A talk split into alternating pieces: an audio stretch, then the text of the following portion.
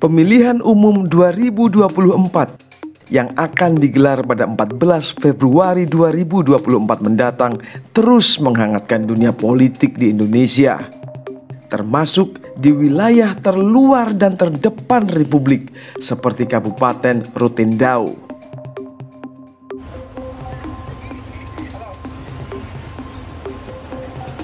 Di sudut-sudut wilayah seluas 1280 ribu kilometer persegi itu diwarnai oleh kibaran bendera-bendera partai politik atau poster-poster bakal calon anggota legislatif. Di pulau paling selatan Indonesia, suhu politik merangkak naik. Para caleg dan partai politik berupaya menunjukkan eksistensinya seiring dengan hadirnya persoalan-persoalan lain dalam persiapan pemilu saya menemui Christian Daipani, Ketua Komisi Pemilihan Umum Rutindau pada awal November ini. Kami saat ini dalam tahapan, eh, artinya kami sedang mempersiapkan hmm. uh, pengumuman daftar calon tetap anggota DPRD Kabupaten Rutindau dan juga saat ini dalam proses penerimaan logistik pemilu tahun 2024 hmm. dan perlu kami informasikan bahwa sampai saat ini atau hari ini kami telah menerima uh, bilik uh, bilik bilik pencoblosan, hmm. kotak suara dan juga uh, stiker untuk kotak suara. Uh, sejauh ini hmm. uh, ada satu item yaitu bilik suara kami masih kekurangan sejumlah 8 bilik dan itu akan di apa atau diselesaikan atau dituntaskan oleh pihak penyedia. Kita mendengar kabar tentang adanya ini hal lain ini tentang Siap. masyarakat calon pemilih yang katanya ada 4.900an lah yang nggak punya ektp dan terancam dia nggak bisa nyoblos ini kalau nggak ya. punya ektp. Ya. Eh, sebenarnya sih bukan ancaman ya. Pasti kita tetap berusaha supaya mereka tetap menggunakan hmm. hak pilihnya. Memang benar ada 4.943 hmm. orang yang saat ini data terakhir per hari ini itu belum memiliki iktp. Hmm. Dan Eh, kami bekerja sama dengan Dinas Kependudukan dan Catatan Sipil hmm. Kabupaten Rotendao. Per hari ini pun kami tadi berkomunikasi mencari satu apa namanya solusi terhadap persoalan ini dan untuk sementara kesepakatannya itu bahwa kami akan turun bersama-sama hmm. ke sampai di tingkat desa itu mengarahkan penyelenggara di tingkat kecamatan maupun desa hmm. untuk mendukung uh, pemerintah dalam hal ini Dukcapil untuk melakukan perekaman iktp di masing-masing hmm. desa. Hmm. Ada sekitar 118 desa yang harus kita uh, kunjungi untuk perekaman ini. Sebenarnya problemnya di mana sih Pak Presiden? Jadi sebenarnya problemnya ini kan pertama sekali bagi mereka yang yang yang sebenarnya yang yang bersangkutan yang nanti memiliki iktp hmm. karena iktp ini gunanya bukan sekedar untuk pemilu tapi banyak hal gitu iya, iya. ya pasti kita akan mengarahkan part, uh, meminta dukungan dari partai politik karena partai politik punya kepentingan terhadap uh, data pemilih ini hmm. dan apa namanya uh, kita uh, akan mencermati lagi kami akan sampaikan ke pimpinan di tingkat provinsi mengenai langkah-langkah yang saat ini kita tempuh untuk mendapatkan persetujuan. Apakah ini uh, tidak menyalahi aturan atau menyalahi aturan? Kalau seandainya tidak menyalahi aturan pasti kita akan bersama-sama gitu kadang pun ketika kita tanyakan ya mungkin karena jauh ya. Jauh dari desa harus ngurus ke sini lagi. Dan ketika sampai ke sini belum tentu dalam hari itu pun bisa terlayani. Ya bisa belum tentu dalam hari itu juga bisa terlayani. Karena apa namanya mungkin datang servernya bermasalah terus apa namanya eh, bahan bakunya. Kendala-kendala ya, teknisnya ya, Pak ya? siap seperti itu ya. Ini kan tinggal November Desember Januari ya. menurut nggak sampai empat bulan ini bisa nggak untuk mengurus ini Pak Kris ya. kita akan coba maksimal ya hmm, hmm. ini dalam dalam keadaan seperti ini kita akan cari uh, secara baru secara secara maksimal agar hmm. fisik iktp-nya dipegang yang berikutnya juga tentu saja ini kita tidak bisa menyepelekan hak konstitusi dari warga negara. Pasti suatu saat ketika dia tidak memiliki IKTP, tentu ada dokumen lain yang bisa digunakan.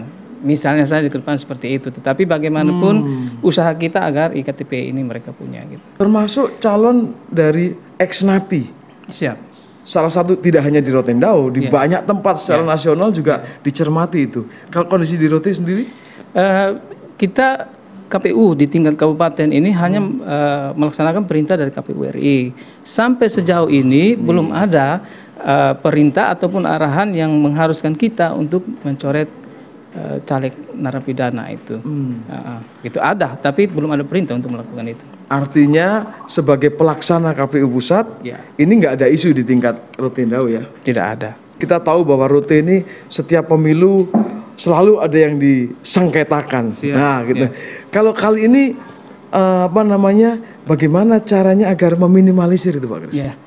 Jadi eh, setiap tahapan di dalam penyelenggaraan pemilu ini berpotensi adanya gugatan. Ya, tapi sampai sejauh ini eh, kami di KPU Kabupaten Rotendao belum belum apa menemui persoalan yang berkaitan dengan ketidakpuasan yang bermuara pada gugatan dari partai politik. Sampai sejauh ini tidak ada.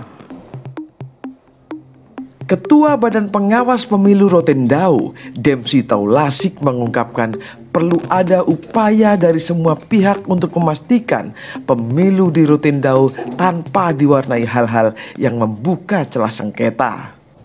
Sebagai pulau terluar terselatan NKRI, ya.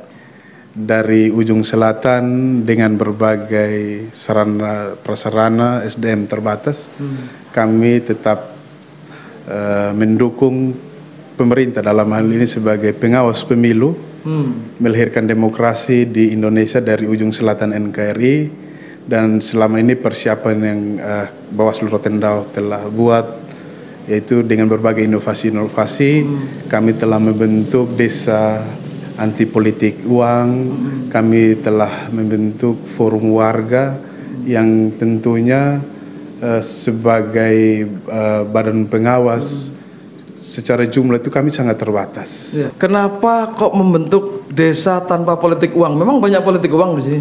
Uh, politik uang ini memang secara grafik di Rotendao dari pemilu 2019 tidak terlalu banyak, bahkan uh, belum sampai ke uh, pengadilan. Hmm. Tetapi tentunya banyak hal yang kami laksanakan karena kami anggap ini penting. Karena dengan politik uang ini bisa jadi melahirkan pemimpin-pemimpin yang hmm. jauh dari harapan kita. Apakah dari fase-fase itu ada yang dijadikan highlight? Ini kayaknya awas nih, ah gitu, ada nggak? Uh, untuk tahapan-tahapan ini yang menjadi highlight mungkin ada beberapa hal. Yang pertama terkait dengan uh, data pemilih Data pemilih. Kenapa itu?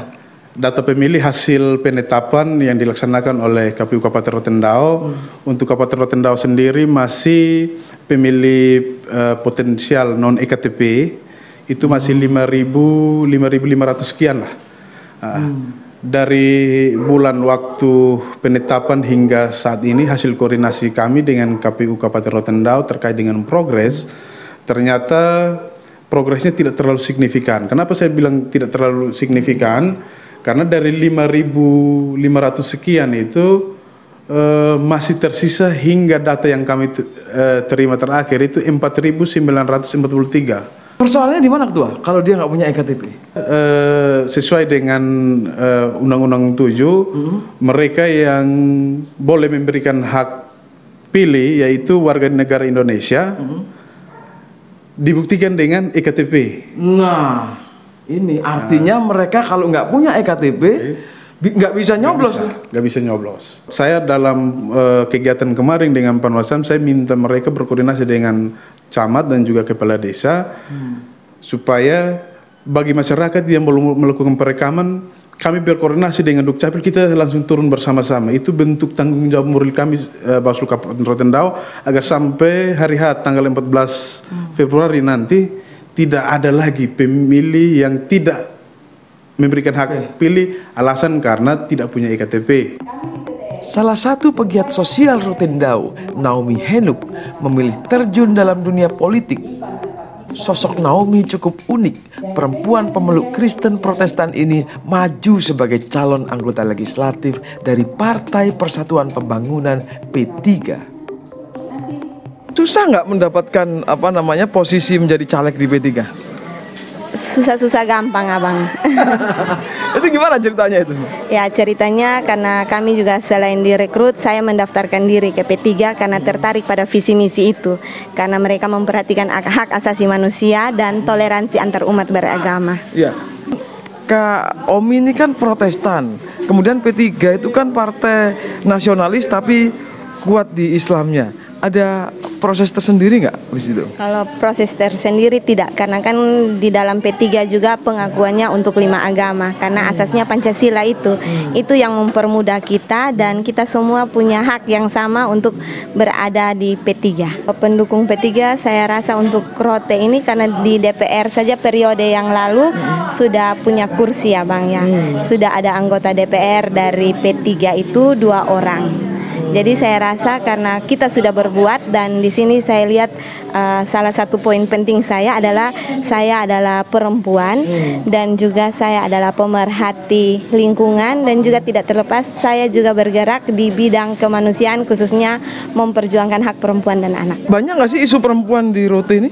Ya cukup lumayan banyak hmm. abang. Salah satu yang tren saat ini kekerasan terhadap perempuan, hmm. in, terus uh, apa penyalahgun eh, apa ini pelecehan seksual juga hmm. terhadap perempuan hmm. itu yang paling pertama dan juga mungkin karena kondisi sekarang ini perubahan cuaca hmm. jadi ibu-ibu dituntut untuk berperan ganda juga mencari nafkah jadi hmm. mungkin itu isu tren yang diangkat. Makanya sekarang ini stunting di Rote cukup lumayan tinggi. Hmm. Di provinsi Nusa Tenggara Timur kami ada di angka ketiga. Oke, nanti bagaimana cara apa namanya mengatasi problem-problem itu kalau sudah jadi anggota DPRD ya? Yang pertama adalah melakukan advokasi dan juga mulai dengan penyadartahuan, terus memberikan edukasi kepada masyarakat juga dan juga yang penting bahwa perempuan sudah ada di legislatif, artinya suara perempuan sudah bisa terangkat lah seperti itu, Abang. Nah, bukankah susah gitu kalau untuk masyarakat yang masih apa namanya ada di daerah pedesaan untuk memunculkan kepedulian itu Kak Omi? Ya, itu strategi yang kami buat bagaimana membuat masyarakat bisa tahu dan percaya bahwa sesungguhnya peran perempuan itu penting hmm. karena surga di telapak kaki ibu saya yakin pasti bisa. Pemilu tanggal 2024 14 Februari ini kan udah dekat nih. Sementara ada kasus katanya banyak warga yang tidak punya EKTP yang terancam untuk nggak bisa milih. Menurut kami gimana? Iya, memang seperti itu. Tetapi kami sendiri dari P3 dan terutama saya sudah menghimbau kepada para pendukung, simpatisan dan kader kami hmm. untuk segera mendaftarkan atau mulai melakukan perekaman. Kemarin saya masih menghubungi juga teman-teman uh, simpatisan dan kader di desa. Jadi mulai hari Jumat nanti kami sudah mulai mendatangi Dukcapil untuk melakukan perekaman EKTP, Bang. Di Rote itu beberapa kali sengketa pemilu sampai bahkan sampai ke Jakarta itu. Nah, khawatir nggak nanti pemilu kali ini juga akan hal, ada hal yang sama? Kalau khawatir iya, tetapi kita berniat untuk melaksanakan secara langsung umum bebas dan rahasia hmm. dan dilakukan dengan tanpa adanya sengketa dengan tetap kita mempedomi peraturan yang berlaku supaya berjalannya aman awal. Tobias JJ Besi, pedagang ikan kaki lima di Jalan Lekunik, Kecamatan Lombaain, Pulau Rote ini tidak kalah unik. Obi yang juga mantan pesakitan maju dua kali sebagai calon anggota legislatif. Gagal dalam pemilu lalu, kali ini Obi maju dari Partai Gerindra. Memang benar abang ini caleg? Iya caleg. Ini sudah kali keberapa? Yang kali kedua. Oh kan, ini caleg kali kedua. Bang, ini mohon maaf ini bang. Memang abang jualan ikan nih? Iya, jualan ikan. Katanya juga ah, mantan preman juga. Siap, siap bang. Kenapa kok mendorong abang jadi caleg? Ya itu satu motivasi dari kehidupan saya kalau bisa ke DPR itu jadi caleg itu untuk uh, melihat masyarakat kecil yang di mana pada umumnya ya untuk kesejahteraan itu saya mau lihat ke depan seperti apa ya contohnya papa lele ikan hmm ya perkembangannya seperti bantuan-bantuan coolbox ikan. Saya mau itu tuh kita terapkan ke papa lele ikan. Pertanian ya pertanian gitu. Jadi kalau benar-benar dari bawah begini, abang itu merasakan betul apa yang dirasakan rakyat ya bang ya? Ya kondisi masyarakat sekarang pada umumnya nelayan itu terbentur dengan BBM, ya memberikan kendala untuk uh, alat tangkap, uh, contohnya pukat gitu. Maka itu yang kita ikannya semakin naik harga itu karena itu. Nah, kendalanya di BBM. Bang Obe ini menjual ikan di lapak di dekat rumahnya. Ini apa nggak malu bang? Enggak, buat apa malu? Untuk kepentingan banyak orang, buat apa malu? Kira-kira kalau jadi anggota DPR akan memperjuangkan apa sih? Ya perjuangkan aspirasi rakyat. Contoh, Hmm. hal kecil, penjualan sayur, ikan. Ya kita mendorong untuk usaha-usaha mereka itu berjalan dengan baik. Apa selama ini yang membuat usaha tidak berjalan dengan baik? Yang membuat usaha berjalan tidak baik itu karena memang pendapatan dan penghasilan dari masyarakat itu sangat minim. Hmm. Nah, yang di mana kita harus ah, memberikan motivasi, contoh bantuan-bantuan dana hibah itu harus terkoneksi pada masyarakat kecil. Hibah-hibah itu ada sampai tapi nggak tepat pada orang-orang yang di mana contoh nelayan. Hmm. Ya kalau bisa program pemerintah itu khususnya di Pulau Rote memang tersalur bantuan itu, tapi kebanyakan nelayan tidak pergunakan. Nah gitu. Kenapa itu bang? Ya kendalanya memang awalnya mereka ingin untuk mau mencari, tapi dengan keadaannya BBM ada yang sudah istirahat apa segala macam. Kalau kali ini apa strategi barunya? Strategi, strategi baru saya turun ke desa, Hmm. turun ke masyarakat kecil, memberikan motivasi. Nah, dalam impian saya ke depan, kalau memang Tuhan berkenan, ya pasti kita akan berusaha untuk nah para nelayan, para petani yang ada, para peternakan yang ada di daerah terpencil itu.